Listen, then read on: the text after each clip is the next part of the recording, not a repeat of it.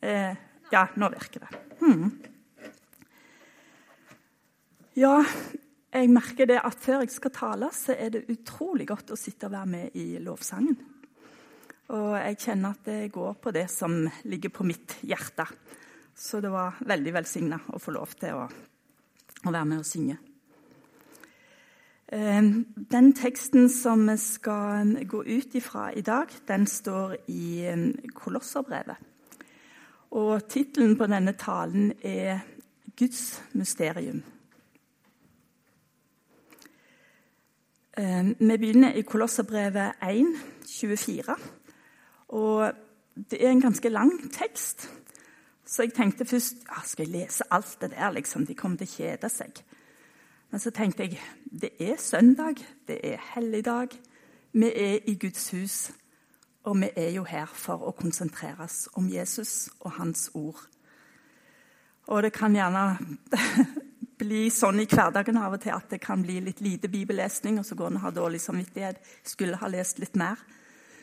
Så sett deg til rette nå og la ordet få lov å synke inn og tale til ditt hjerte. I dette brevet som Paulus skriver, så sier han fra vers 24 i første kapittelet. Nå gleder jeg meg over mine lidelser for dere, og det som ennå mangler i Kristi lidelser, det utfyller jeg med min egen kropp. Jeg lider for Hans kropp, som er Kirken. Jeg er blitt en tjener for Kirken i kraft av den forvalteroppgaven Gud har gitt meg hos dere, å fullføre tjenesten med Guds ord. Det mysteriet som har vært skjult gjennom alle tider og for alle slekter, men som nå er blitt åpenbart for Hans hellige. Gud ville kunngjøre for dem hvor rikt og herlig dette mysteriet er for folkeslagene. Kristus er blant dere håpet om herligheten. Det er ham vi forkynner, og vi rettleder og underviser alle mennesker i den fulle visdom, for å føre hvert menneske fram til modenhet i Kristus. For å nå dette målet arbeider og kjemper jeg i Hans kraft, den som virker i meg med styrke. Jeg vil at dere skal vite hvor hardt jeg kjemper for dere og for dem i Odikea. Og for alle de andre som ikke har møtt meg ansikt til ansikt. Jeg ønsker at de skal få nytt mot i hjertet, bli knyttet sammen i kjærlighet og få hele rikdommen av overbevisning og innsikt, så de kan fatte Guds mysterium, som er Kristus. For i ham er alle visdommens og kunnskapens skatter skjult til stede. Dette sier jeg for at ingen skal lure dere med sine overtalelseskunster. For selv om jeg ikke er hos dere med kroppen, er jeg hos dere i ånden. Og jeg er glad for å se den orden som rår hos dere, og den fasthet dere viser i troen på Kristus. Dere har tatt imot Kristus Jesus som Herre. Lev da i ham Vær rotfestet i ham og bygd på ham. Hold fast ved den tro dere er opplært i, med overstrømmende takk til Gud.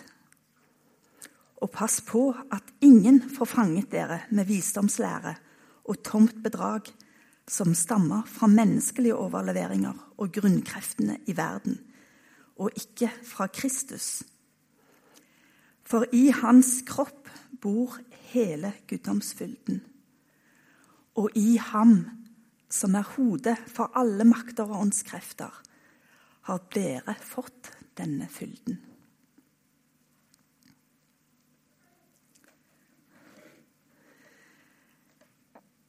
Det er helt tydelig gjennom denne teksten at Pauls har en brann i sitt hjerte. En uslukkelig brann. Og den ble tent den dagen i hans liv da han var på vei til Damaskus i et bestemt oppdrag. Eh, han hadde hatt en brann i sitt hjerte faktisk før den tid òg, eh, men med motsatt fortegn. Da gikk denne brannen ut på å forfølge de kristne og fengsle dem for å hindre at den kristne tro ble utbredt. Han var tydelig imot. Så var han på vei til Damaskus, og som veldig mange av dere kjenner, så ble han slått i bakken. Og han ble blind og dermed helt hjelpeløs i tre dager. Og de tre dagene brukte Gud til å snu denne ilden. Til å snu livet hans 180 grader. Og fra da av gikk han i motsatt retning. Da var brannen for Jesus. Da var det Jesus som hadde tent en brann, en lidenskap i hans hjerte, for Jesus sjøl. Og Det står her i denne teksten at Paulus han lider for kirken. Han arbeider og kjemper for kirken. Han arbeider for å gi dem nytt mot. Han vil at de skal bli knytta sammen i kjærlighet. Og han vil at de skal få hele rikdommen av overbevisning og innsikt.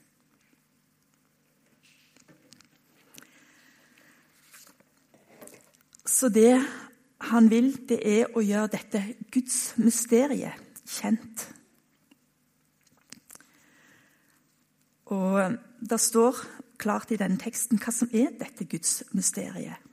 At det er Kristus. Eh, ordet mysterium det er jo betegnelsen på noe som vi egentlig ikke forstår. Noe som er ufattelig. Som vi aldri helt får innsikt i. Som vi ikke begriper. En kan gjerne ane litt, som gjør at det vekkes en interesse til å finne ut mer om dette her. Men så lenge det er et mysterium, og forblir et mysterium, så har vi ikke helt funnet ut av det. Vi kan bare ane noe. Og Paulus bruker dette ordet 'skjult'. Det er et mysterium som har vært skjult til alle tider, for alle mennesker. Og For å skjønne litt hvorfor han uh, sier det, så må vi tilbake til Det gamle testamentet. Og Hele Gamle testamentet er faktisk gjennomsyra av profetier om noe som skulle komme. Om en frelser som skulle komme. Og jødene skjønte ikke disse profetiene ordentlig. Det var et mysterium for dem. De ante et eller annet. Og det som de ikke forsto, der supplerte de med sine egne tanker, sin egen fornuft. Og så tenkte de at denne her kongen, denne personen som skulle komme, frelsa de fra noe. Det måtte være en, en jordisk konge som skulle frelse dem fra romernes herredømme. For de var ikke et selvstendig land. Og um, Som eksempel på noen av disse profetiene så kan jeg nevne at allerede i første Mosebok så, så står det f.eks. at eh, Gud sa til Abraham i deg skal alle jordens slekter velsignes. Og Det kunne nok være et mysterium for Adam å forstå hvordan det skulle gå til. Eh, I Salme 118, 22, så står det at den stein som bygningsmennene vraket, er blitt hjørnestein. Altså den sentrale steinen som alt er bygd opp og ut ifra. Og Videre har vi Jesaja 53, 5. Der står det at han er såret for våre lovbrudd, knust for våre synder. Straffen lå på ham, vi fikk fred. Ved hans sår ble vi helbredet. Og dette ble skrevet lenge før Jesus kom til verden. Og for oss så er det gjerne nokså klart hva dette her er, men jødene syntes ikke at det var klart. Men de trodde jo på Gud. Han kjente de. Og de var til og med hans utvalgte folk. Eh, men jeg tror ikke at de skjønte helt hva de var utvalgt til. Hva plan Gud hadde med dem. Og um, Gud elska de jo, og han leda de opp gjennom alle år. Gjennom hele historien. Og han hadde gitt de sin lov, som de prøvde så godt de kunne å leve etter. Og Det var ikke alltid de lyktes, så det hendte det ble opprør mellom de og Gud. Men samtidig som han um, var deres Gud, og de kjente han, han var hos de og nær dem, så var han òg fremmed og fjern. Og han var så opphøyd og hellig at de kunne faktisk ikke komme nær han. Og dette blir veldig synlig eh, når Moses mottar Guds befaling om at han skal bygge et gudshus midt i leiren for folket. Eh, et gudshus som, eh, står, som er kalt tabernaklet og som seinere, eh, når de kom til, til Israel, eh, ble til et tempel, som var et, eh, et fast hus som sto et bestemt sted. Tabernaklet var mer et, sånn, et mobilt telt, et mobilt gudshus. Et telt som de kunne ta ned og pakke sammen når de dro videre på sin ørkenvandring. Og For to år siden var jeg i Israel for første gang. Og vi var på en tur ute i ørkenen. Og et sted der så var det faktisk noen som hadde bygd opp et tabernakel eh, etter, etter Bibelens beskrivelse. For det står veldig detaljert hvordan det skal bygges. Og eh, det var litt rart å gå inn i det. og liksom, Å ja, var det sånn det så ut? Og dette her var tross alt bare en kopi. Det var ingen ruiner og, og, og rester etter det som virkelig var den gang. Men likevel var det en god illustrasjon på hva, hvordan det var. Og Det var jo bygd opp på samme måte som tempelet. At Først kom en inn i en forgård, som er et uteområde. Og Der var det en sånn, sånn stor offergryte, offerpanne, som, som de skulle bringe fram offer i og brenne. Og når de skulle komme fram for Gud, så måtte de alltid ha med seg dyr som de kunne ofre. Små eller store, alt ettersom. For Gud krevde et offer. De kunne ikke bare komme inn til Gud sånn uten videre. Og så kom de inn i det hellige, som òg var et rom som var tilgjengelig, og som var bygd opp på en spesiell måte og utstyrt på en spesiell måte. Aller innerst så var det et rom som kalles det aller helligste. Og dette rommet var så hellig, for der hadde Gud sitt nærvær. Der var han til stede. Og Derfor var det kun øverste presten som hadde lov å gå inn i dette rommet. Og Han kunne ikke gå inn ut når det passet seg. Han fikk lov å gå inn én gang i året. Og Da var det for å bringe fram offer for folkets synder. Men før han gjorde det, så måtte han ofre for sine egne synder. Sånn at han ble ren og verdig til å bære fram offer for folkets synder. Og hvis eh, israelittene gikk inn i dette rommet, så ville de dø. Så hellig var Gud. Og så kan en lure på hvorfor gjorde Gud det sånn? at det ble et problem for folket at han var så hellig. De var jo til og med Guds utvalgte folk. Og Problemet lå vel egentlig ikke i Gud, at det var han som var for hellig. Det var vel snarere det at mennesket var syndig. At synden hadde kommet inn i verden. Og det var det som gjorde at de ikke kunne nærme seg Gud og som skapte denne avstanden. Og synden kom inn i verden med Adam og Eva når de falt, når de valgte synden. Og allerede da så ble det reist et forheng mellom Gud og mennesker. Og i dette tabernaklet så var det nettopp det. Et stort, tungt vevt teppe som hang foran det hellige rommet og det aller helligste. som stengte så de ikke kunne se inn i det aller helligste, og ikke kunne gå inn i det uten å ta dette teppet, løfte det til side.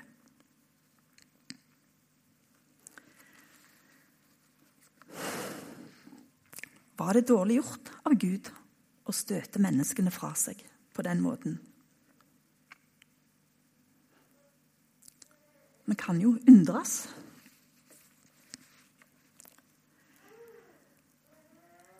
Så merker en når en leser Bibelen, at det likevel er en lengsel i Guds hjerte til å komme nær sitt folk igjen, og at de skal få komme nær til Han.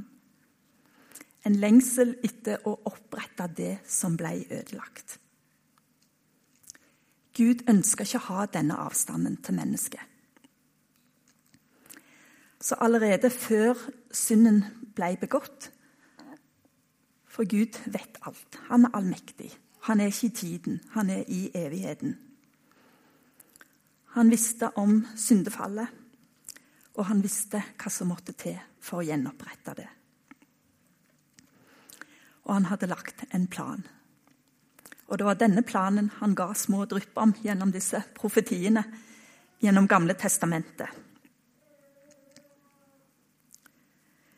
Eh, I Kolossene 1, som det ble talt over forrige søndag, så står det eh, fra vers 19 For i ham, altså i Jesus, ville Gud la hele sin fylde ta bolig.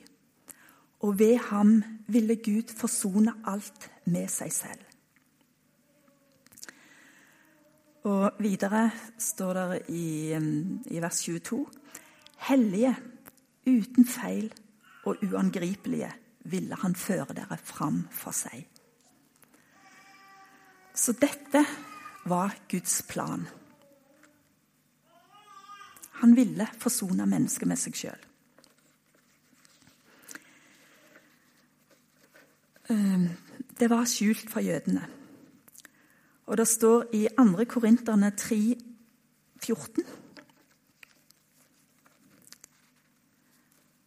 ehm, Der står det at ehm, helt til i dag er dette sløret blitt liggende når det leses fra den gamle pakt. Og det blir ikke fjernet, for det er i Kristus det blir tatt bort. De hadde et slør, et dekke, som lå over øynene når de leste profetiene, så de ikke kunne fatte det helt, hva det innebar. For det var ikke helt åpenbart ennå. Og Da Jesus kom til verden, så var han virkelig et mysterium for mange. Og i løpet av de korte åra han levde her på jorda, så, så antyda han flere ganger hvem han var, og hvorfor han var kommet. Og spesielt til disiplene prøvde han å si litt mer. Men en forstår det på en del av kommentaren til disiplene at de fatter ikke dette helt. Og når han sier at han må lide og dø, noe som Jesus visste var hele hensikten med hans komme. Så sa jo disiplene, 'Å nei, Herre, det må ikke skje med deg'.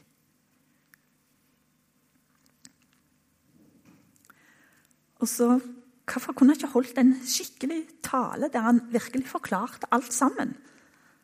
Sånn at det ble helt innlysende, at de kunne si 'Å ja, nå skjønner vi det'. Men det gjorde han ikke. Så fremdeles så er Guds plan omgitt av mystikk. Da Jesus døde, så var det aller siste han sa før han døde, det var tre enkle ord. Det er fullbrakt. Og hva skjønte de som sto ved korset? Eh, vi vet at hans mor, Maria, sto der. En del av hans tilhengere, disipler og vakter. Og noen som kom bare fordi de var nysgjerrige. Hva forsto de av disse tre ordene? Det er fullbrakt. Hva er fullbrakt? Samtidig så står det òg en kort setning i forbindelse med at Jesus døde, at forhenget i tempelet det mellom det hellige og aller helligste, det revna. Og ikke bare at det revna, men det så beskrevet akkurat hvordan det foregikk. Det ble revna, begynte øverst og ble revet ei stor flerre i det, fra øverst til nederst. Så dette var Guds tale til menneskene. En mektig demonstrasjon av Guds kjærlighet. Den avstanden som hadde vært helt siden Adam og Evas tid, mellom den hellige Gud og mellom syndige mennesker, den ble nå oppheva. Gud sjøl åpna veien for menneskene inn i det aller helligste. Og jeg tror at de jødene som var i tempelet eh, når dette skjedde, de må ha kanskje blitt ganske skrekkslagne. For dette forhenget hadde jo vært der i uminnelige tider. Det var ingen som kunne huske noe annet. Og nå plutselig så revna det. Og de kunne se like inn i det aller helligste. Jeg kan tenke meg at de kasta seg ned på gulvet og tørde ikke å se og var redd for at de kom til å dø.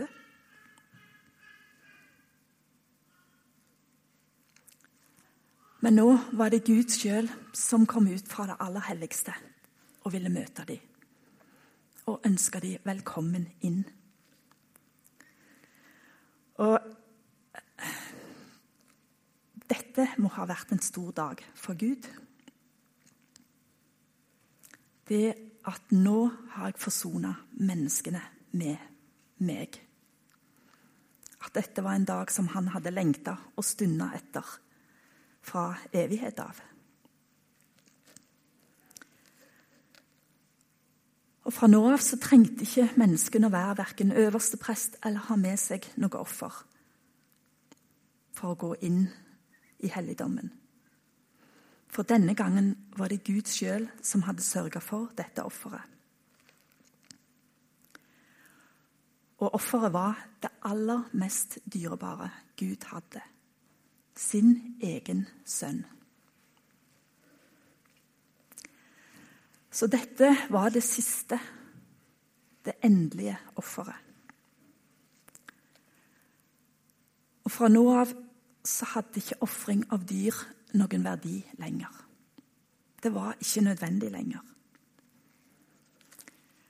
Og all den ofringen som hadde vært opp gjennom tidene, eh, det hadde bare en symbolsk verdi. For det pekte fram mot det store offeret som skulle komme Jesus.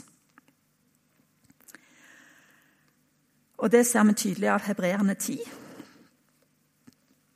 vers 4. Der står det at for blodet av okser og bukker kan umulig ta bort synder.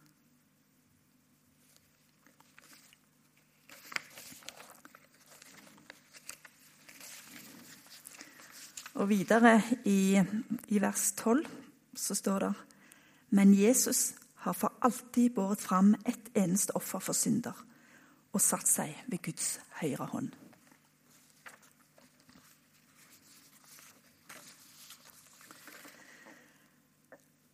Så selv om vi ikke lenger trenger å ofre for å komme inn i Guds nærhet, så må vi akseptere og vi må anerkjenne og se nødvendigheten av Jesu offer. At jeg kunne aldri nærme meg Gud hvis ikke han hadde brakt offeret. At jeg er helt um, avhengig av Jesu offer at Jesus har sona synden i akkurat mitt liv. Den synden som gjorde at jeg ikke var verdig til å gå inn i helligdommen. Og Gud betalte en ufattelig høy pris for å åpne denne helligdommen for oss. Så det var først da Jesus hang på korset og bar byrden av hele verdens synd, og frivillig overga seg til døden det var først da dette forhenget revna. Som er det samme som at nå var Gud klar til å åpne veien. Nå var det fullbrakt. Nå var det fullført, det som måtte til for å åpne.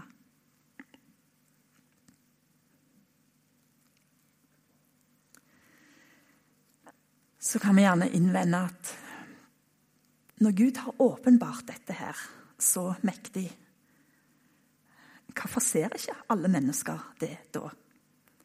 Alle mennesker som har levde da og har levd i 2000 år og etter den tid.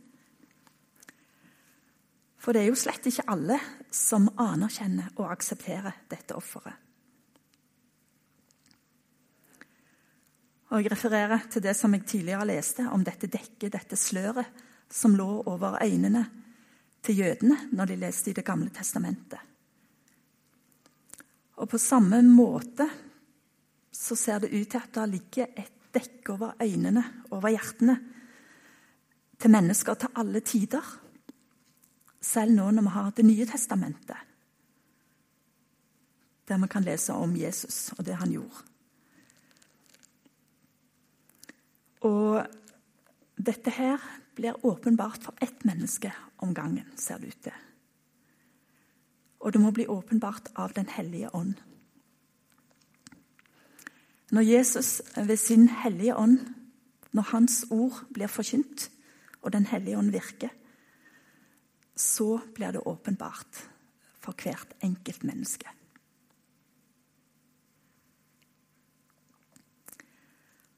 Da kan hvert enkelt menneske få akseptere, se nødvendigheten, og ikke minst se at det var tilstrekkelig for at vi skulle kunne leve i en levende relasjon til Gud.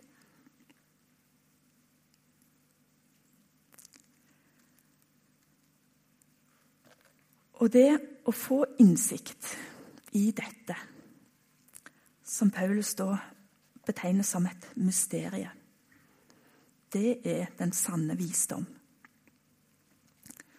Og Det står i teksten her at i Jesus så er alle, all kunnskap og all visdom til stede. Eller det står faktisk at i ham er alle kunnskapens og visdommens skatter skjult til stede. Så det er tydelig at fremdeles er det skjult for noen, og at hver enkelt må få det åpenbart. Og så står det til og med at denne visdommen og kunnskapen Det står ikke at den kommer fra Jesus. Den står at den er i Jesus. Så vi kan ikke løsrive de to tingene og si at 'jeg vil bare ha visdommen'. Jeg vil være et vist menneske. Jeg vil ta, ha det ifra Jesus, mens akkurat han sjøl kan jeg ha litt på avstand. Jeg vil styre livet mitt sjøl. Den er uløselig knytta til Jesus. Har vi Jesus i vårt liv, har vi eh, latt han få lov å komme inn i vårt liv og etablere sin helligdom der, så har vi òg hans visdom. Og det er det vi skal være rotfesta i og bygge livet på, som det òg står.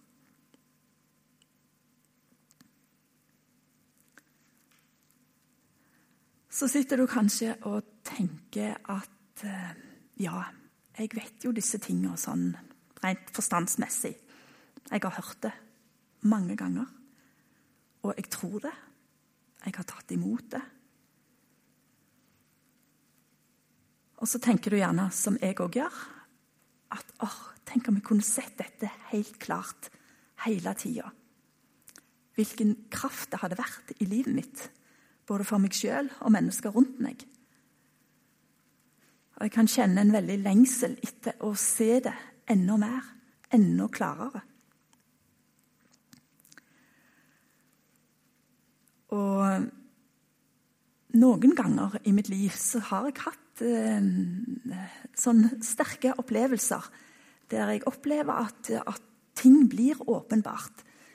At Gud møter meg og er veldig nær, og at jeg får en sånn aha-opplevelse. liksom, åh, Er det sånn du er, Jesus? Og så kan det gjøre et dypt inntrykk på meg. Og så blir jeg samtidig møtt av min menneskelighet. For etter ei stund så er det som det bleikner. Jeg klarer ikke være i den fantastiske åpenbaringen hele tida. Og så kan jeg kjenne en sorg over det, over å være så begrensa i min fatteevne.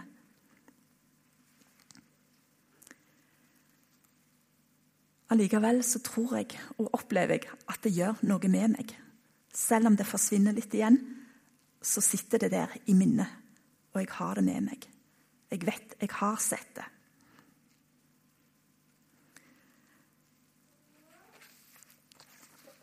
Det er tydeligvis ikke ukjent, dette, for mennesker som levde på Bibelens tid heller. Og i 1. Korinterne 13, 12,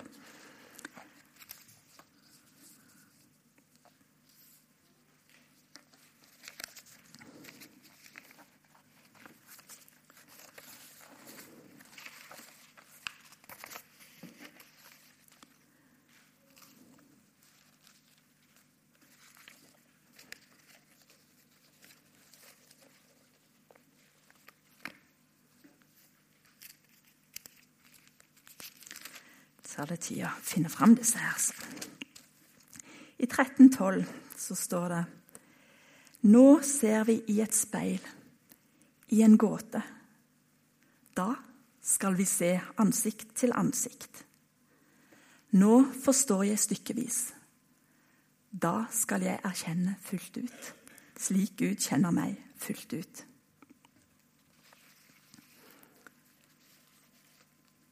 Så en gang så skal vi få se det. En gang så skal vi virkelig fatte lengden og bredden og høyden og dybden i det som Jesus har gjort.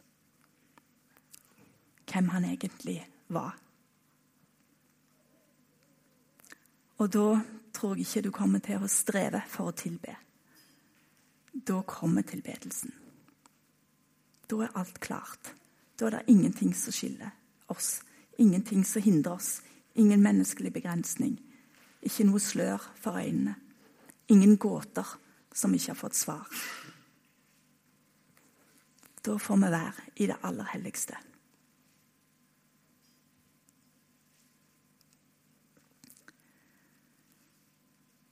Takk, Jesus, at du har åpna denne veien for oss. Takk at det er det største du har gjort. At du vil ha oss som dine barn tett ved ditt hjerte. Og Nå ber jeg om at du skal åpenbare det for hver eneste som er her inne i dag. At de skal kunne gå hjem, at vi alle skal gå hjem med en glede i vårt hjerte. Fordi at vi har sett enda mer av hvem du er, og hvordan du er og at det skal være en brann i våre hjerter som kan drive oss inn og ut i tjeneste. Om vi ikke har akkurat samme tjeneste som Paulus, så kan du vise oss hvor vi skal sette inn våre krefter. Hvor du vil velsigne vår gjerning. Takk for den du er, Jesus med ære og tilber deg. Amen.